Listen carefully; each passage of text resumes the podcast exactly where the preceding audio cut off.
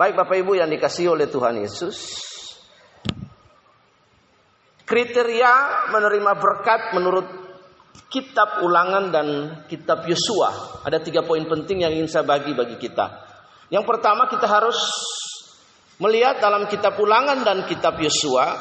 Kita menemukan wawasan yang berharga tentang syarat atau kriteria untuk menerima berkat dari Tuhan. Tentunya kita semua sudah tahu kita semua sudah paham, kita semua sudah menerima berkat dan akan menerima berkat dan terus menerima berkat. Baik hal-hal berkat yang secara psikis, secara jasmani, baik berkat kesehatan dan berkat lain. Ada visible blessings yang kita bisa nikmati. Ada invisible blessing yang sering kali luput dari pengamatan kita dan sering kali luput dari ucapan syukur kita kepada Allah. Karena raga kita secara psikis, panca indera kita hanya dapat sering kali mengindra hal-hal yang psikis. Ketika hal-hal yang jasmani, yang psikis yang ada di depan mata yang bisa kita indra. Hal-hal seperti itulah yang sering kali kita ucap syukur. Tetapi hal-hal yang invisible things, invisible blessing sering kali luput dari ucapan syukur kita. Bapak Ibu yang dikasihi Tuhan, kalau berbicara berkat, sering kali orang interest dan tertarik. Siapa sih yang tidak mau menerima berkat dan siapa sih yang tidak mau mendapat berkat? Semua umat percaya pasti menginginkan berkat, diberkati dan terus diberkati. Bukankah Israel juga diberkati ketika kita membaca Alkitab? Kitab Alkitab, Alkitab kita ini, catatan Alkitab ini fulfill with the verses of blessings, Bapak Ibu penuh dengan catatan, penuh dengan sejarah, penuh dengan kisah bagaimana Tuhan memberkati orang Israel dalam relasi mereka, relasi kita dengan Tuhan juga. Seringkali doa kita memohon berkat, berkat dan berkat. Objek doa kita menginginkan berkat dan berkat, tapi sering kali kita lupa akan kriteria-kriteria yang memberi kita panduan tentang bagaimana hidup dengan cara yang menyenangkan dan menghormati Tuhan. Sebab dengan hidup yang menyenangkan dan menghormati Tuhan, maka berkat itu mengalir, Bapak Ibu. Dalam Alkitab hanya memuat kisah, Bapak Ibu. Kalau secara sederhana, Bapak Ibu, kita melihat orang-orang yang dipanggil Allah. Mereka hidup dalam ketaatan kepada Allah. Dan kemudian mereka mendapat berkat daripada Tuhan. Secara Alkitab dimulai dengan Taman Eden, Bapak Ibu yang dikasih oleh Tuhan. Lalu ada perintah to submit and to obey to the law of God. Lalu perintah itu dilanggar dan akibatnya dosa. Jadi sebenarnya secara Alkitab gampang. If you submit to God, you will be blessed. Jika kita taat, jika kita dengar-dengaran, jika kita hidup menyenangkan dan menghormati Tuhan, maka kita diberkati. Bapak Ibu yang dikasih Tuhan. Bagaimana kita melihat berkat yang pertama dari ulangan pasal 28 ayat yang pertama. Bung Moshe tolong dibuka. Ulangan 28 ayat pertama. Poin yang pertama adalah ketaatan pada perintah Allah. Submit, obey to the law of God, to the orders of God. Firman Tuhan dalam ulangan pasal 28 ayat pertama. Apabila engkau dengan sungguh-sungguh dengan setia mendengarkan suara Tuhan alamu dengan berpegang pada perintahnya yang kusampaikan kepadamu pada hari ini maka Tuhan alamu akan mengangkat engkau tinggi di atas segala bangsa di muka bumi. Bapak Ibu yang dikasih oleh Tuhan, Tuhan menginginkan ketaatan kita kepada perintahnya mendahului berkatnya. Katakan amin. Tuhan menginginkan ketaatan kita, kepatuhan kita, ketertundukan kita, submit and obey to his order, to his law, to his commandment, mendahului segala berkat. Jadi berkat itu bersyarat Bapak Ibu. Berkat itu bersyarat. Contohnya ini, berkat itu bersyarat. Dalam ulangan pasal yang ke-28 ayat yang pertama firman Tuhan berkata bahwa apabila engkau dengan setia faithfulness kesetiaan mendengarkan suara Tuhan Allahmu yang pertama dengan setia mendengarkan berarti berulang-ulang kali kesetiaan dibangun dari sebuah kebiasaan ketaatan kepada perintah Tuhan. Mendengar tulis, mendengarkan perintah Tuhan, mendengarkan suara Tuhan. Wujud Allah itu bukan secara fisikis, secara jasmani. Ya. Tuhan tidak punya tubuh fisik, God is spirit. Karena itu yang sering kali terjadi dalam kondisi psikologis rohani seseorang adalah Bapak Ibu perhatikan dia lebih taat kepada yang yang dilihat daripada yang tidak dili yang tidak dilihat. Because God is spirit. Bagaimana seseorang harus dibangun konstruksinya untuk memahami bahwa Tuhan itu roh. God is spirit. Ketika Tuhan memanggil Abraham, Abraham tidak pernah bisa melihat bentuk fisikis Allah, bentuk jasmani Allah. Who you are. The divine spirit come to Abraham in the land of Mesopotamia and give order to him. Get away from this land, I will be blessed. Keluar dari tempat ini. Abraham tidak melihat bentuk Allah. Tapi Abraham memahami divine spirit itu. Ini perhatikan dengan baik ya. Abraham memahami Allah itu tidak bisa dilihat, tapi his manifestation bisa kita rasakan Bapak Ibu. His manifestation in our life dapat kita rasakan dalam hidup ini. Bukankah hari ini kita tidak melihat Allah, tapi manifestasi dari Allah, kasih Allah, kebenaran Allah, berkatnya, perlindungannya itu dapat kita nikmati di dalam hidup ini because his spirit inside us. Karena roh Allah ada di dalam kita katakan amin. Jadi yang Tuhan mau perhatikan, Tuhan mau adalah apabila engkau dengan setia mendengarkan suara Tuhan. Dalam catatan ini, Tuhan lagi mengulang seperti Abraham taat kepadaku tanpa melihat wujud asliku, tetapi merasakan manifestasi dari semua keilahian Allah. Abraham pergi, Abraham dengar, Abraham taat. Abraham tidak pernah menjumpai Allah secara money.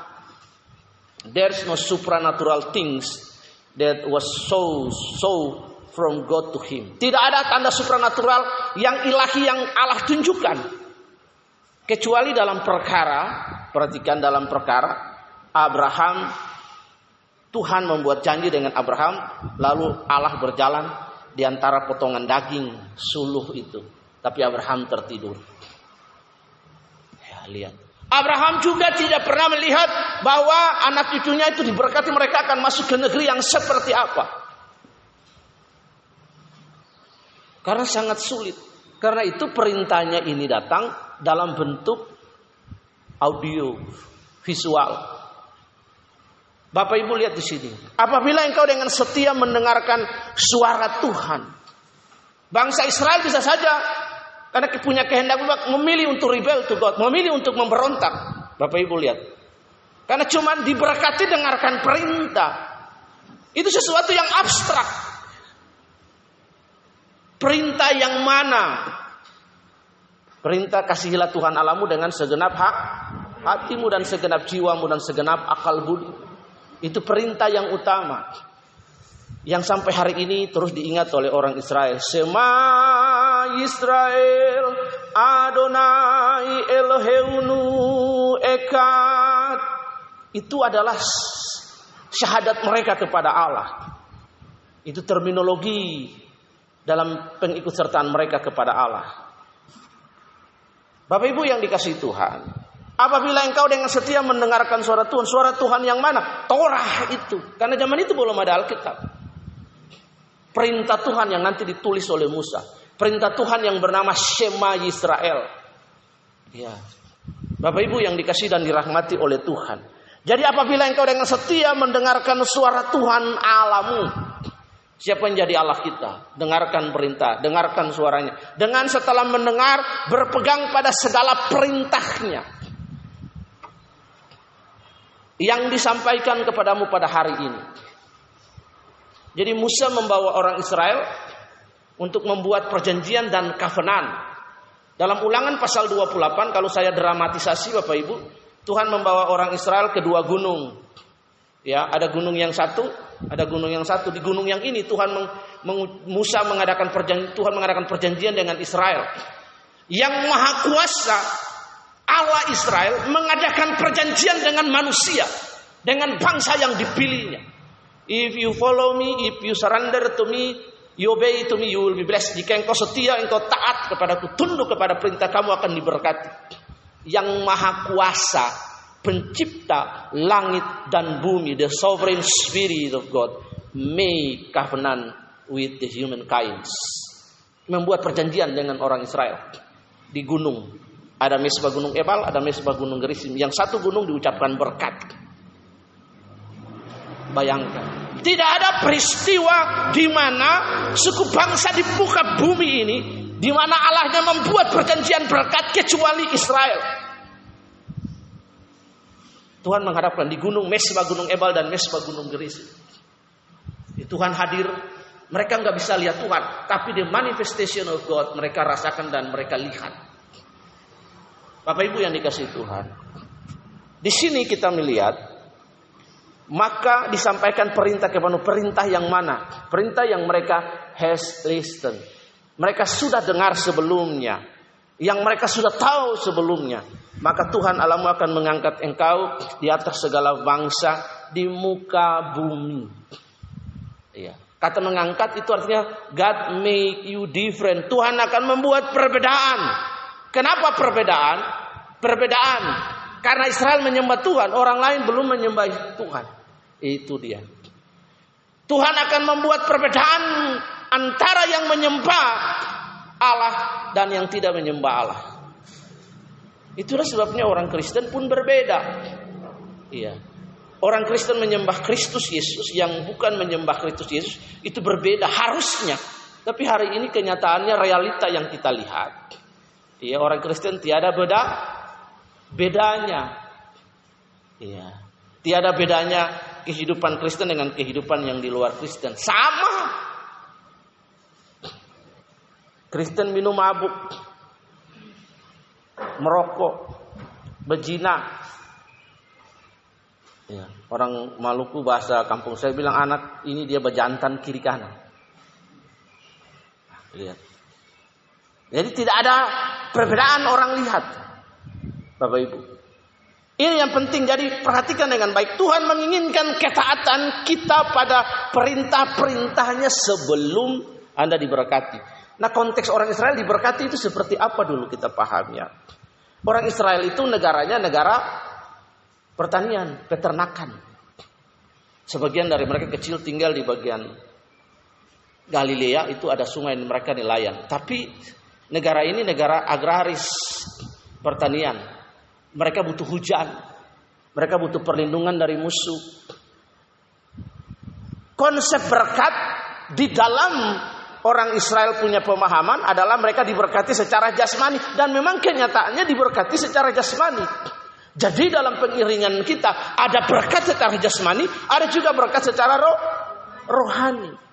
Kemarin dengar kesaksian dari adik-adik, ya kesaksiannya buat saya pulang, saya merenung, waduh luar biasa. Pulang sekolah, there's no food, but God opened the ways for them. They never invite them to get lunch ya. Ini kan sesuatu yang luar biasa. Jadi Tuhan menginginkan ketaatan pada perintah perintahnya. Ketika kita dengan setia mengikuti perintahnya kita memposisikan diri kita untuk menerima berkatnya. Jika kita tidak taat hanya ada dua submit obey get blessed unsubmission unobey you get curses jadi ketika kita taat Bapak Ibu, ketaatan kita, ketertundukan kita, itu kita sementara memposisikan diri kita. Our legal and our stand to receive blessing in our life. Tidak ada yang lain. Matius 6 ayat 33 berkata, carilah, carilah dahulu kerajaan Allah dan kebenarannya everything will be added into your life. Kata will be added. Anda pernah nonton film yang dimainkan oleh Arnold Schwarzenegger? Ya, dia bilang I'll be back. Artinya to be continuous. Berkat Tuhan. Artinya the series of blessing will come into your life. Jika kita memposisikan diri kita untuk menerima berkat. Jadi ketika kita tidak taat, maka kita sementara memposisikan diri kita untuk menerima kutuk. Cuman itu dua itu, menurut pembacaan yang kita baca nanti lihat. Nanti di ulangan ada 28 itu ada dua bagian, ucapan berkat dan ucapan kutuk. Bukankah di hidup ini cuma dua? Ada hitam, ada putih. Ada Tuhan, bukan Tuhan. Ada dosa, ada kebenaran. Cuma dua, hitam putih, tidak ada yang lain.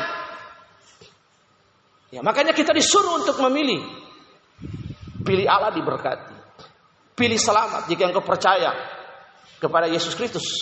Engkau akan diselamatkan. Yang tidak percaya binasa. Cuma dua dalam hidup pilihan.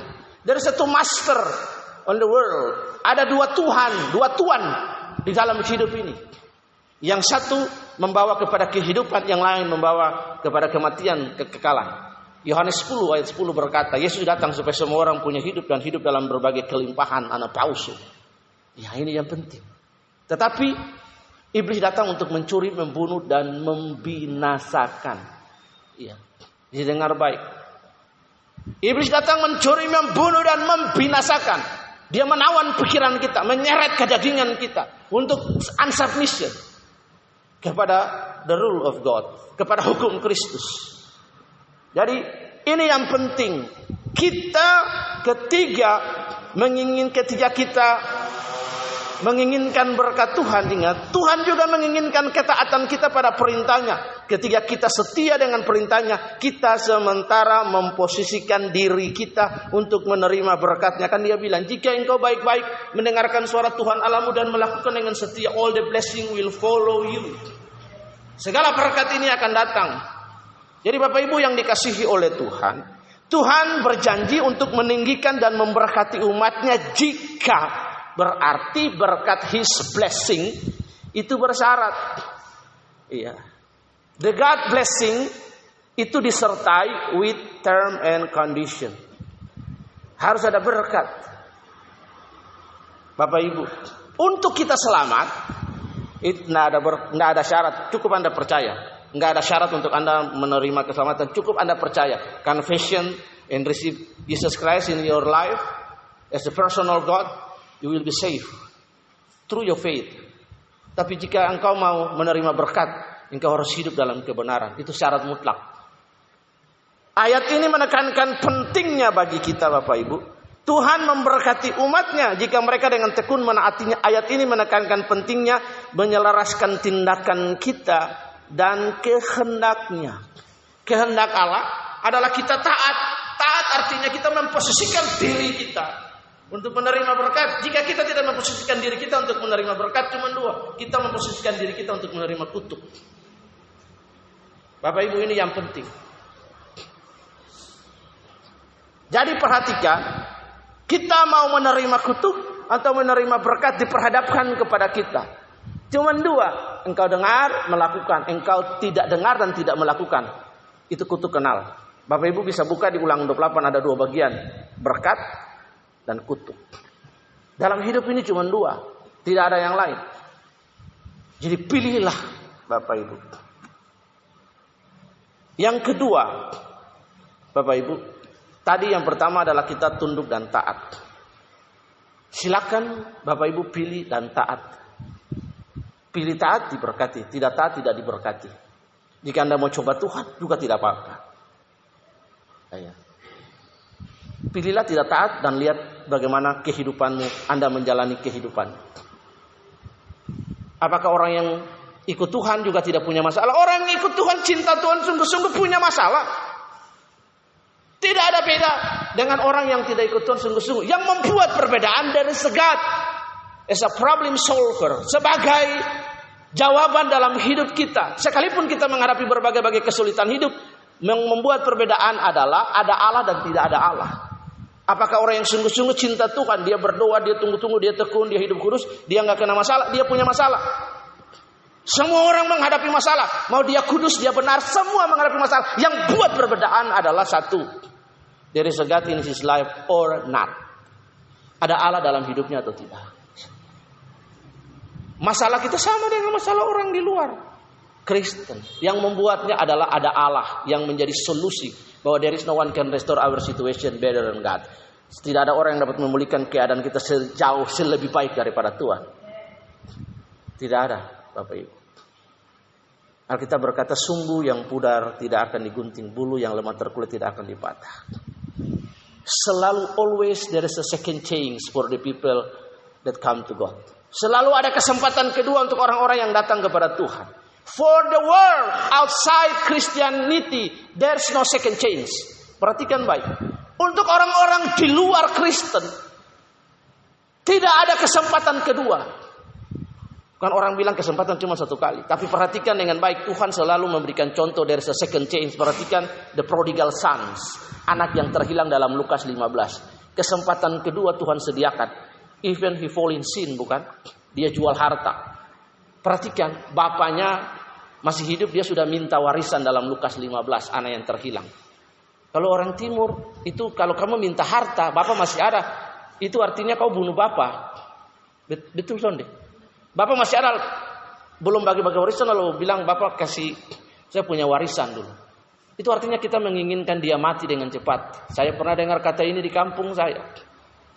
Pakai bahasa logat saya, kamu menginginkan Bapak dan Mama mati dengan cepat supaya dapat warisan. Perhatikan dengan baik. Saya punya bapak, ya. Saya ini bukan ahli waris, perhatikan, calon ahli waris. Misalnya saya punya rumah di Blimbing Sari, Levi anak saya. Di dalam secara hukum, Levi itu bukan ahli waris, calon ahli waris. Nanti saya sudah mati dulu, ya orang Bali bilang tiang singnu sudah tidak ada, baru disebut ahli waris. Tapi selama saya masih hidup, calon ahli waris. Nah, perhatikan di situ. Ada kesempatan kedua. Karena itu ketaatan sangat diperlukan sekali dalam pengiringan kita kepada Yesus. Ketaatan sepertinya perkara yang mudah. Tapi dalam praktikal day by day as a Christian sangat susah Bapak Ibu. Tetapi jika kita mendisiplinkan diri kita kepada ta kepada ketaatan, maka kita sementara memposisikan diri kita to receive His blessing, His kindness, His mercy, His grace, His abundantly kelimpahan Bapak Ibu. Dan perhatikan berkat bagi gereja perjanjian baru tidak melulu tidak melulu itu berkat fisik. Kalau kita minta uang yang datang uang. Selalu ada jalan keluar, itu pun berkat Tuhan. Tapi sering kali kan kita kepingin lihat yang material things itu ada di depan mata kita. Makanya tadi saya bilang di awal tadi sering kali kita lupa mengucap syukur untuk invisible things, invisible blessing, berkat-berkat yang tidak terlihat, yang sering kali lalai dari ucapan syukur kita. Dalam doa tadi saya mengawali kalau kita sudah datang duduk di tempat ini itu berkat Tuhan. Dan kalau kita datang beribadah berarti kita mengafirmasi bahwa Tuhan itu baik buat kehidupan kita katakan amin. Saya selalu bangun pagi saya bersyukur Tuhan. Saya bersyukur buat napas hidup, buat saya bangun, saya sehat, buat istri, buat anak-anak, buat panti ini. Itu yang penting. Itu berkat-berkat yang tidak kelihatan. Amin. Kemarin saya buat satu video sederhana. Syarat orang memuji Tuhan itu dia bernafas. Biarlah segala yang bernafas memuji Tuhan. Kalau mau jadi artis, jadi penyanyi seperti Ames dari NTT yang terkenal itu, maka perlu berlatih, perlu ikut kompetisi. Ya, kemarin saya ada kirim bagaimana cara orang bernyanyi dan lain falsetto, suara satu, suara dua, suara tiga. Itu nanti latihan dulu. Tapi untuk memuji Tuhan Anda tidak perlu latihan yang baik. Cukup apa? Punya na punya napas biarlah segala yang bernapas memuji Tuhan. Kalau Anda memuji Tuhan dengan tabung oksigen tidak bisa. Ya, karena tabung oksigen tertutup di sini. Ya. Nyanyinya itu cuman tarik dan turun. Ya. Biar segala yang bernafas memujimu Tuhan saya suara bagus. Kalau sudah tabung oksigen dia tutup di sini cuma dua.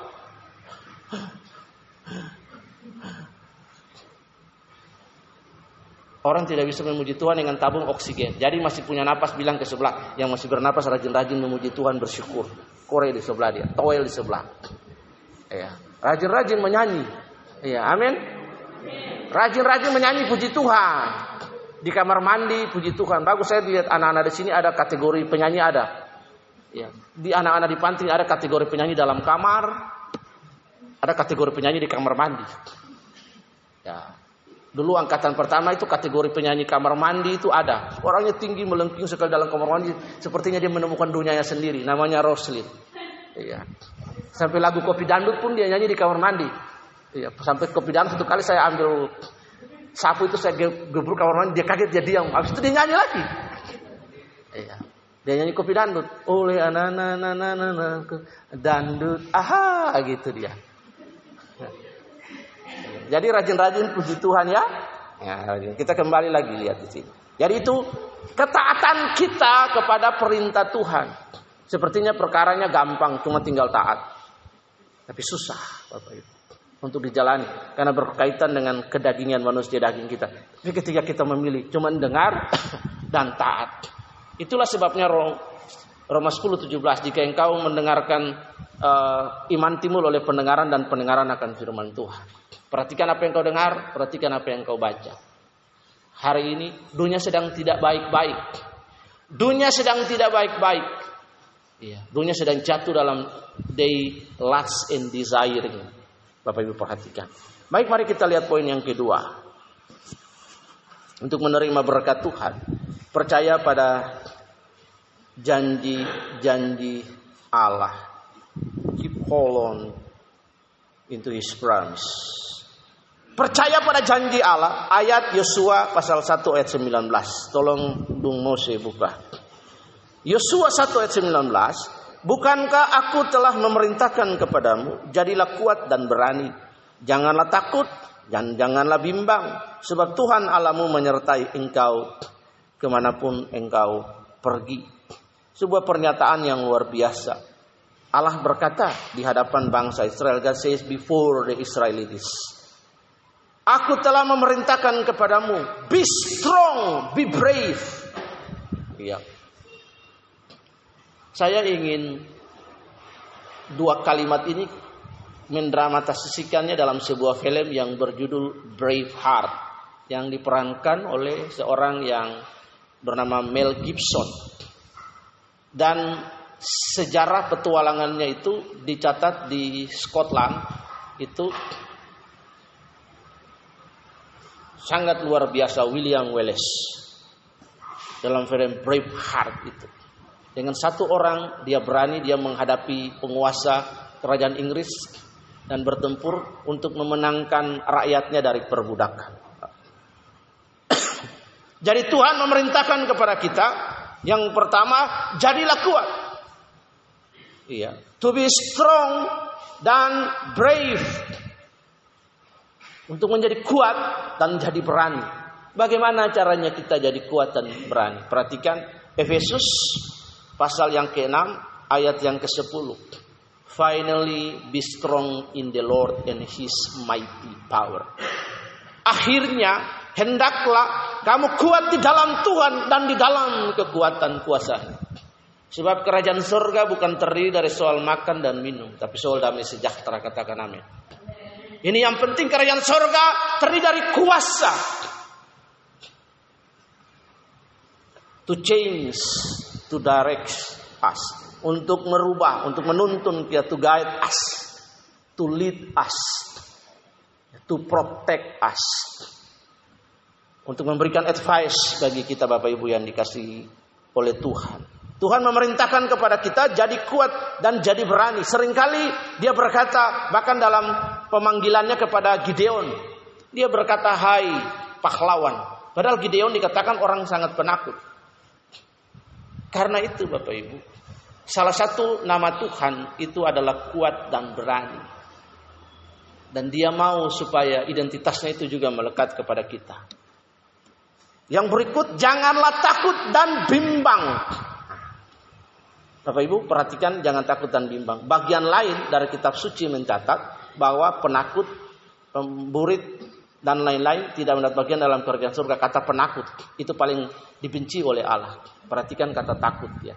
Takut yang dimaksud dalam ayat ini bukan takut kepada tikus lalu ah tikus ya. takut kepada kodok ya lempar kodok di sini pasti ada orang lari di sini ya takut kepada kecoa takut kepada ulat bulu, ha, takut langsung. Ya. Ya. Bapak Ibu perhatikan di sini, kata takut itu adalah lawan dari keberanian di atas tadi. Dan bimbang tadi. Opposite. Jadi perintah di situ. Tuhan mengajar kita untuk jadi berani dan jangan takut dan jangan bimbang. Sebab Tuhan menyertai kita ke mana pun kita pergi. Kata takut itu artinya mengingkari, ignore to the manifestation of God around us.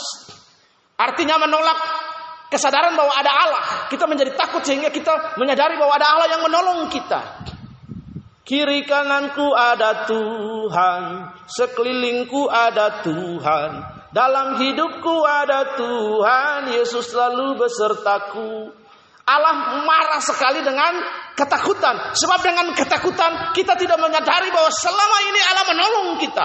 Allah menyertai kita. Karena itu jangan pernah takut. Katakan bersama dengan saya. Fear is not factor. Jadi ketakutan bukan sebuah alasan bagi kita. Iya. Ketakutan bukan sebuah alasan because we have God dalam sebuah percakapan singkat di situ duduk di kursi kalimat yang bagus dari Mama Ani, eh jangan takut Tuhan buka jalan kalau anak-anak kuliah. Amin, sebab dia punya anak juga kuliah tahun ini. Saya lihat adik kandung saya kuliah, saya hanya menolong uang muka satu kali bayar, setelah itu sampai hari ini dia nggak bayar. Dan dia bekerja untuk mencukupi namanya Ricky kebutuhan. Dan dia bangga bahwa tidak ada orang yang menolong dia selain Tuhan sampai dia lulus lunas. Asli. Gary juga begitu. Sementara kuliah Fakultas Hukum UT. Tiaruan tapi dia bekerja. Yang pertama, kalau kita mau pasti ada jalan. Katakan amin. Kalau kita mau pasti ada jalan. Sebab Tuhan sudah berkata, jadilah kuat, jangan berani, jangan pengecut, jangan penyakut, jangan tawar hati. Jangan takut dan jangan bimbang. Sebab ketakutan artinya kita menolak keberadaan Allah, mengingkari keberadaan Allah yang menolong kita. Perhatikan Tuhan sangat marah kepada Israel dalam perjalanan 40 years. Padahal itu harusnya mereka across the land of Egypt to Israel hanya 40 days. Tapi mereka menyeberang itu dalam perjalanan membuat mereka berputar-putar 40 years bukan 40 days. Mereka juga takut dengan berbagai keadaan yang Allah. Akhirnya mereka sudah lihat. Iya. They were seen God help them before. Ada hari-hari di belakang kita yang kita sudah lihat pertolongan Tuhan atas kita. Lalu mengapa hari ini kita jadi takut dan tawar hati? Artinya kita mengingkari dan menolak keterlibatan Allah dalam hidup kita. Itulah sebabnya Tuhan berkata, jangan takut. Kecut dan tawar hati. Sebab aku Tuhan yang menyertai kamu. Tuhan yang bilang, aku menyertai kamu ke mana saja engkau pergi.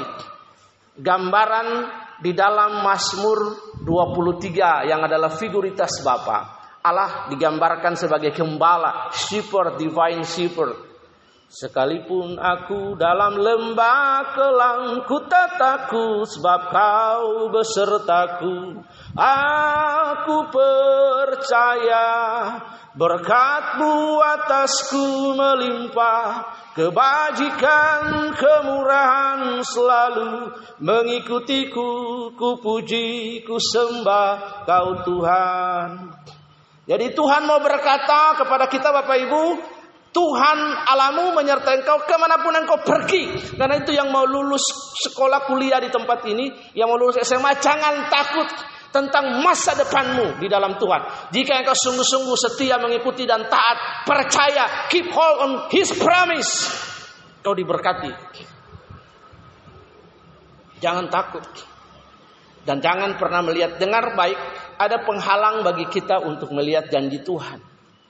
Adalah setan, iblis, si kunyuk itu dan semua antek-anteknya selalu menggunakan tuduhan. Masa lalu kita Ah, kau tidak pantas, kau tidak layak. Kau begini begini. Kalau dia datang dia kasih tahu masa lalu kita. Stand on your feet. Berdiri dengan gagah dan katakan kepada dia. Setan dengar. Saya punya masa lalu yang gelap. But since I received Jesus, saya sudah dibersihkan dan ditebus. Dan di dalam dia saya punya masa depan. Sebab Yeremia 29 ayat 11 berkata, Sebab aku ini mengetahui rancangan-rancangan apa yang ada padaku mengenai kamu, yaitu rancangan damai sejahtera bukan rancangan kecelakaan, katakan amin.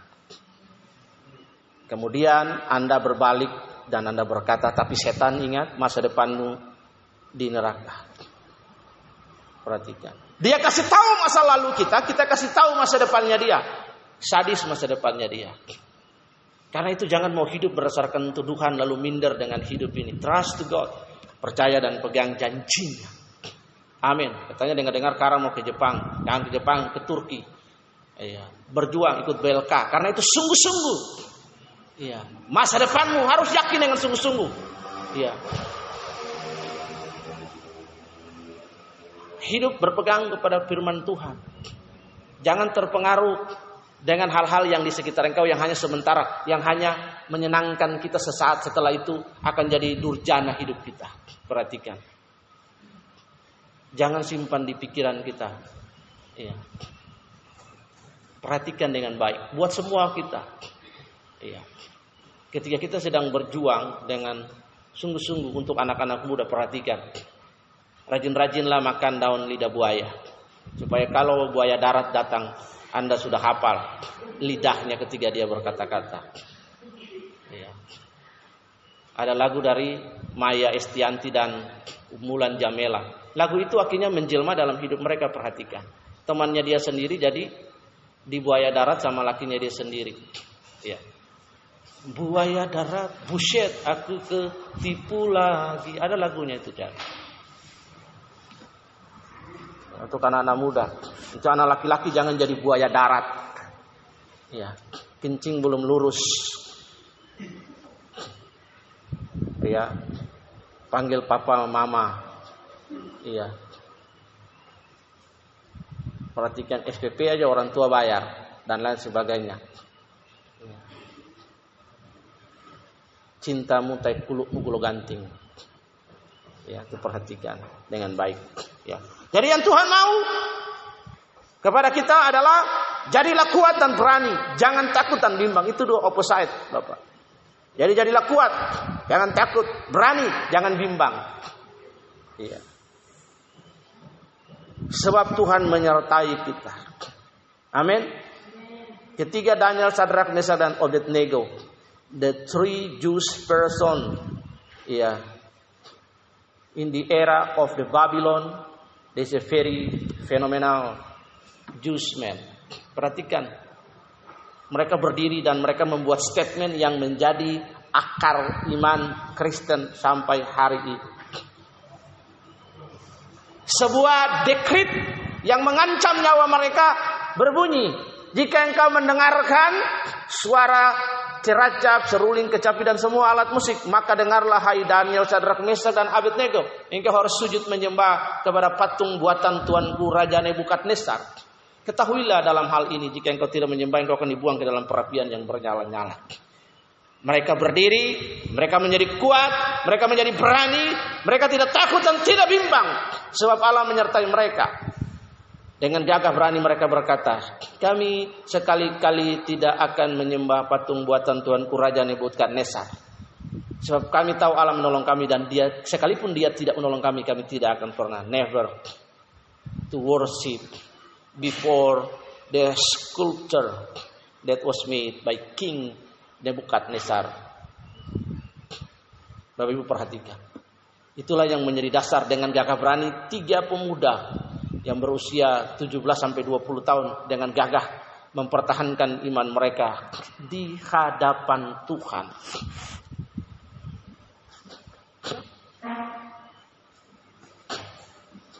Karena itu saya sudah pernah buat pernyataan. Saya bilang buat anak perempuan saya, carilah suami yang nanti di masa depan yang takut Tuhan. Yang Kristen saja itu sudah cukup bagi saya. Tetapi kalau bukan Kristen, itu murandurja bagi saya. Dan saya memilih untuk tidak akan menikahkan. Sebab saya punya hak. Bapak Ibu perhatikan. Hidupmu akan dikutuki sepanjang hidupmu. Perhatikan dengan baik. Kalaupun ada hal-hal yang sudah terjadi, Tuhan dapat memulihkan. Perhatikan baiknya, Tuhan dapat memulihkan. God will restore. Tapi perhatikan dengan baik dari awal. Artinya kalau sudah terjadi ada pemulihan. Sebab Tuhan tadi saya bilang Tuhan punya second change yang besar bagi kita. Tapi kalau yang sudah hidup yang saya sudah ajar lalu dia memilih bandel, nah itu saya sangat marah. Perhatikan. Bapak Ibu perhatikan berpegang kepada janjinya. Ingat janjinya dengan baik. Jadi berani, jadi kuat, dan jadi takut. Percaya pada janji Tuhan adalah kriteria lain untuk menerima berkat.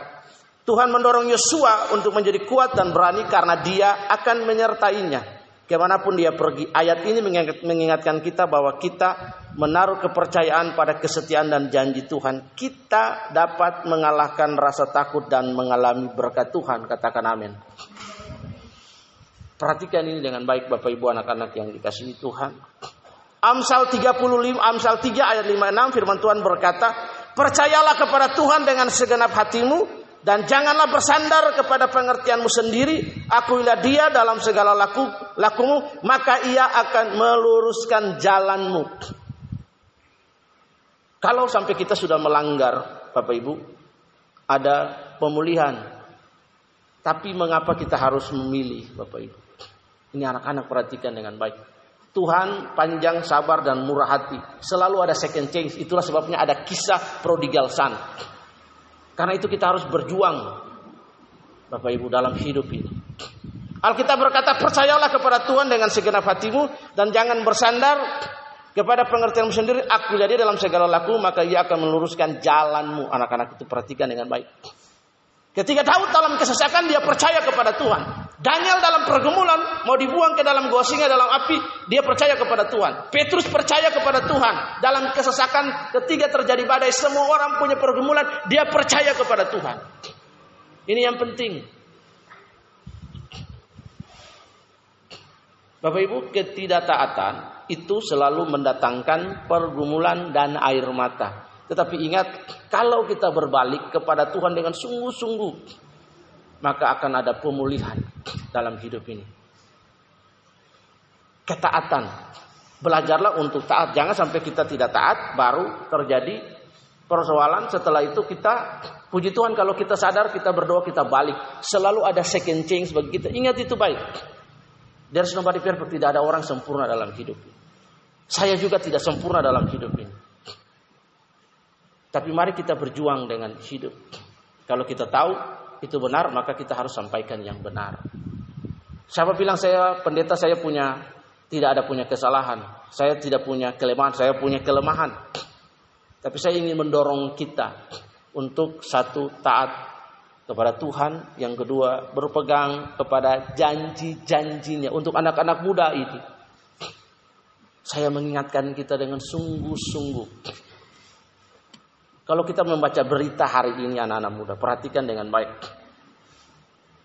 Kalau kita baca berita hari ini, yang kita temukan hari ini di Jembrana, info Jembrana, dan hari ini saya baca di Ambon, berita Beta Maluku, itu beritanya semua sudah hampir satu bulan ini semua cabul. Di 5 sampai 6, 7 kabupaten kota itu cabul semua. Orang tua perkosa anak muda perkosa, anak SMP perkosa, semuanya cabul semua masuk bui semua. Beritanya tidak bagus. Perhatikan, dunia ini sedang hancur rusak. Jangan berpikir dunia sedang baik kemajuan teknologi, ya. Tapi dunia secara morality, secara karakter, they fall in sin. We began to entering, entering the Sodom and Gomorrah era. Kita sementara masuk dalam era ini, perhatikan dengan baik. Bapak Ibu yang dikasih oleh Tuhan. Yang poin ketiga, bagaimana kita mendapat berkat? Yang ketiga adalah kita mencari hadirat Tuhan. Bapak Ibu buka Yosua 2 ayat 5. Mose tolong buka. Yosua 2 poin yang pertama tadi adalah Bapak Ibu yang dikasih Tuhan, ketaatan kepada perintah Tuhan, yang kedua percaya kepada janjinya dan yang ketiga mencari hadirat Tuhan. Yosua 22 ayat 5. Tetapi haruslah kamu berpegang pada perintah dan hukum yang diperintahkan kepadamu oleh Musa, hamba Tuhan dengan mengasihi Tuhan alamu dan hidup menurut segala jalan yang ditunjukkannya berpegang pada perintahnya dan berpaut kepadanya serta beribadah kepadanya dengan segenap hatimu dan dengan segenap jiwamu. Artinya Bapak Ibu mencari hadirat Tuhan dengan sepenuh hati sangat penting untuk menerima berkatnya. Bangsa Israel diperintahkan untuk mengasihi, menaati dan melayani Tuhan dengan sepenuh hati. Ayat ini mengajarkan kita bahwa berkat mengalir sebagai hasil dari kasih kita yang mendalam kepada Tuhan dan komitmen kita untuk berjalan dalam jalannya. Ini yang penting Bapak Ibu. Apakah kita menerima berkat tiba-tiba uang jatuh dari langit? Tidak. Kita bekerja sebagai akibat bagian dari manusia yang telah berdosa. Perhatikan kata kita bekerja. Ya. Kita akan bekerja berpeluh onak duri akan dihasilkan. Ya. Waktu manusia tinggal di Taman Eden ketika mereka masih ketaat kepada Tuhan, mereka menikmati all the facilities in the Garden of Eden. Mereka makan, mereka menikmati hubungan yang dalam dengan Tuhan. Tapi ketika pemberontakan jatuh, maka air mata, unhappiness, penyakit umur yang tebat terbatas itu memasuki dunia. Dan manusia harus berjuang untuk hal itu. Karena hari ini uang tidak gampang Bapak Ibu. Itulah sebabnya sampai hari ini gereja ini berumur 16 tahun mungkin.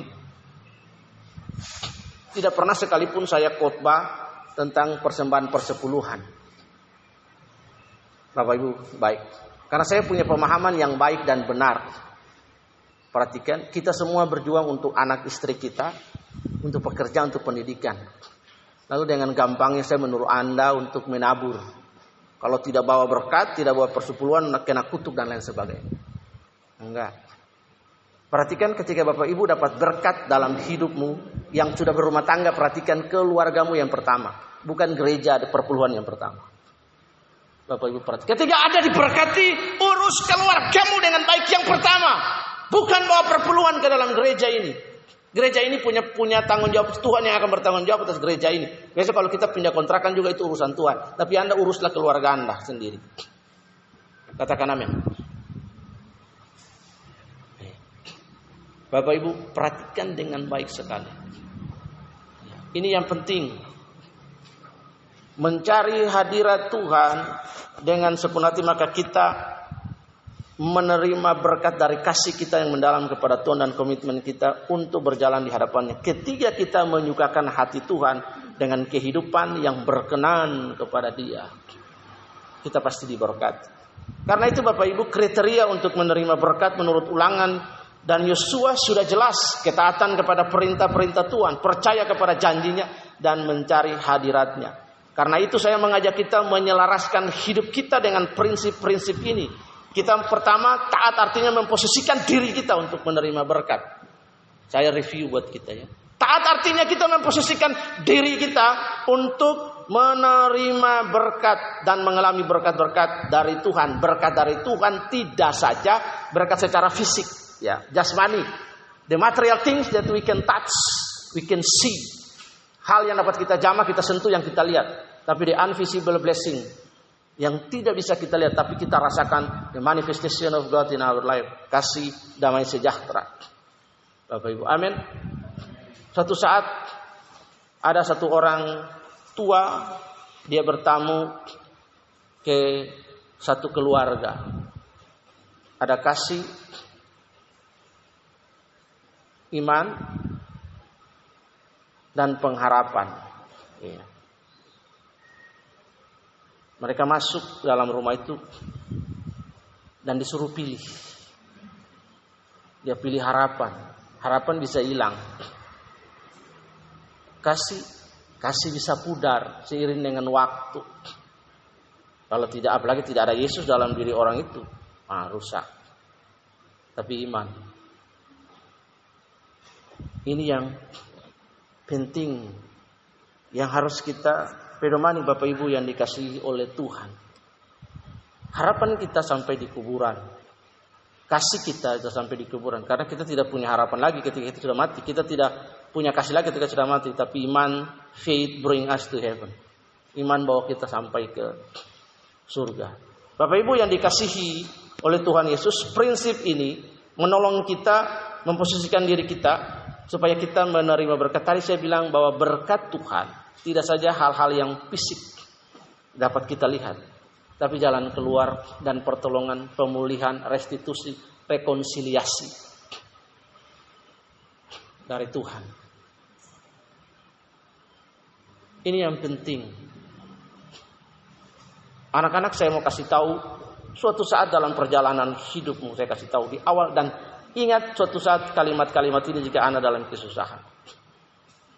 Semua kita bisa buat salah. Saya pernah buat salah.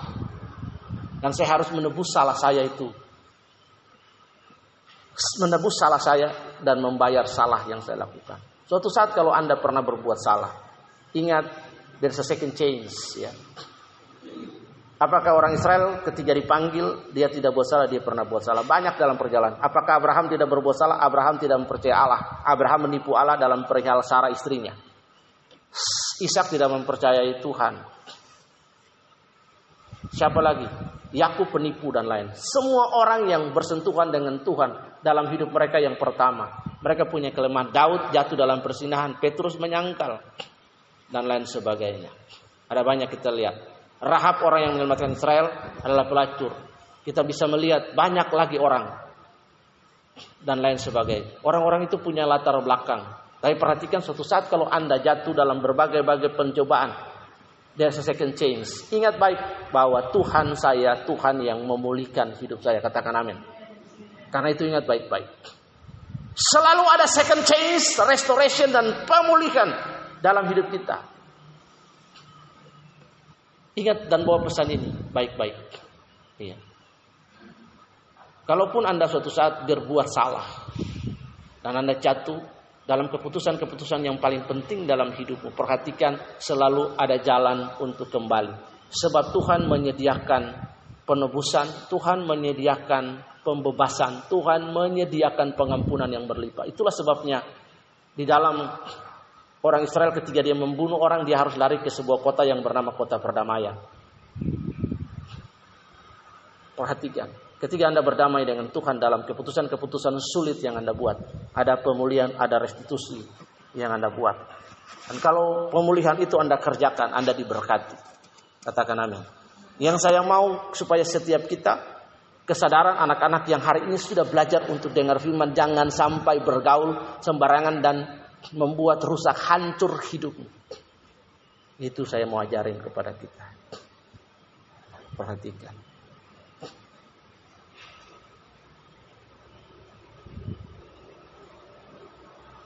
Ingat baik-baik pesan ini. Berkat Tuhan itu bersyarat. Marilah kita berusaha untuk menaati perintah-perintahnya supaya kita diberkati, percaya kepada janji-janjinya supaya kita diberkati dan mencari hadiratnya setiap hari karena kita tahu bahwa dia memberi upah kepada mereka yang dengan tekun mencari dia Ibrani 11 ayat 6. Tolong ditampilkan kita lihat. Ibrani 11 ayat yang ke-6.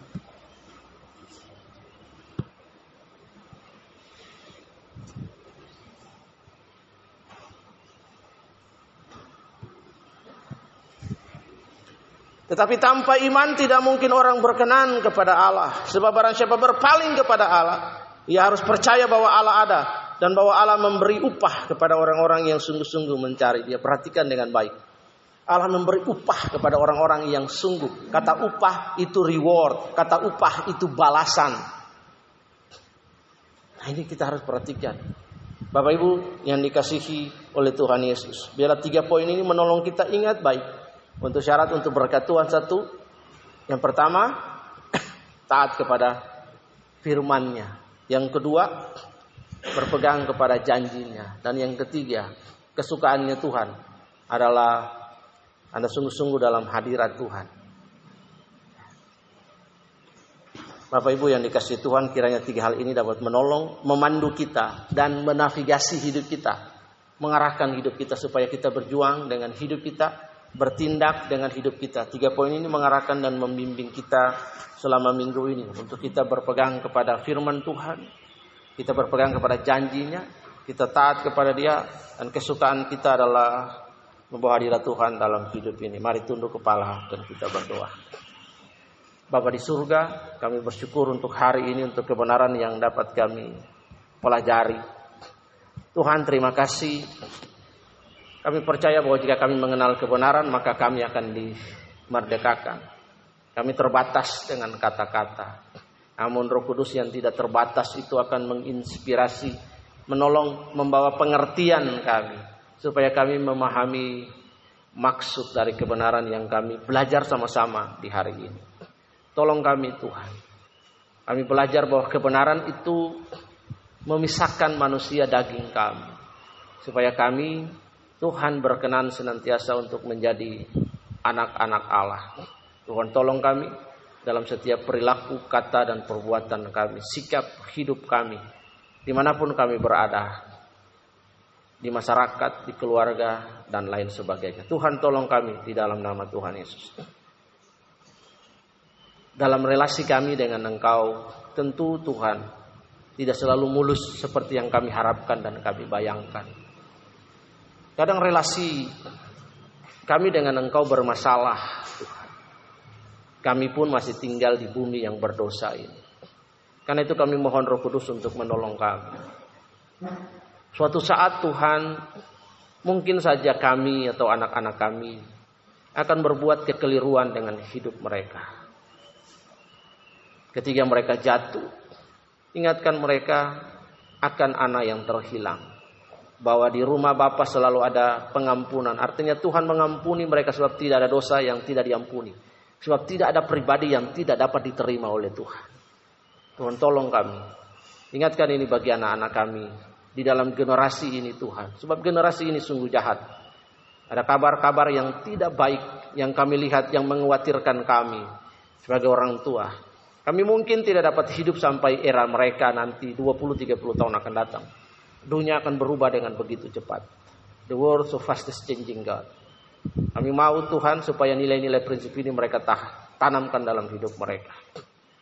Dan ketika mereka dalam keterpurukan mereka Tuhan, Engkau tidak meninggalkan mereka. Ingatkan mereka untuk mereka selalu datang dan berseru kepada Engkau. Sebab selalu ada pemulihan dalam hidup mereka. Ingatkan mereka setia kepada firman-Mu, berpegang kepada janjimu dan menghadirkan Tuhan dalam hidup mereka. Di dalam nama Yesus ini doa kami bagi anak-anak kami tempat ini Tuhan. Dan bagi kami orang tua Tuhan untuk terus melihat hidup kami ada pengampunan, ada grace, ada anugerah dalam setiap pergumulan hidup kami, dalam kami berelasi dengan Tuhan, baik sebagai suami, sebagai istri, istri dengan suami, suami dengan istri, dan anak-anak. Mohon berkat Tuhan, mohon perlindungan Tuhan, berikan bagi kami teristimewa para suami, hikmatmu Tuhan, cinta kepada keluarga. Di dalam nama Tuhan Yesus, hikmatmu senantiasa menolong kami, supaya kami bisa berpikir, kami bisa menimbang, kami bisa menyatakan kasih kami. Tuhan sebagai impartasi dari kehadiran Allah mewakili imam, yang mewakili pribadimu sebagai kepala dalam rumah tangga dan keluarga kami. Kami membawa pergumulan anak-anak kami, Tuhan, yang akan menempuh perkuliahan di dalam nama Tuhan Yesus. Baik anak-anak di dalam jemaat ini, Tuhan, Tuhan tolong dan Tuhan berkati. Tuhan buka jalan. Bapak terima kasih, mereka masih muda, mereka tidak tahu apa yang akan mereka lakukan. Tapi kami mulai hari ini menggiring mereka dalam doa-doa kami. Membentengi mereka dalam doa-doa kami. Tuhan jagai mereka dari hal-hal yang buruk, dari hal-hal yang jahat. Pertemukan mereka dengan orang-orang yang akan yang akan Tuhan menjadi mentor-mentor bagi mereka. Di dalam nama Yesus. Terima kasih berkati hidup mereka, arahkan mereka sehingga mereka mencapai puncak kapasitas nubuatan yang Tuhan sudah sediakan bagi mereka. Berkati para suami dalam gereja di tempat ini, jemaat di tempat ini, di panti asuhan. Berkati para istri di tempat ini. Berkati pekerjaan-pekerjaan mereka. Biar mereka seperti Amsal 31 The Mother Wise pekerjaan-pekerjaan mereka diberkati. Berikan kesehatan, umur yang panjang kepada mereka. Tuhan tolong semua yang mereka kerjakan. Membantu suami mereka mendidik anak-anak mereka. Berkati para suami, berikan pinggang yang kuat.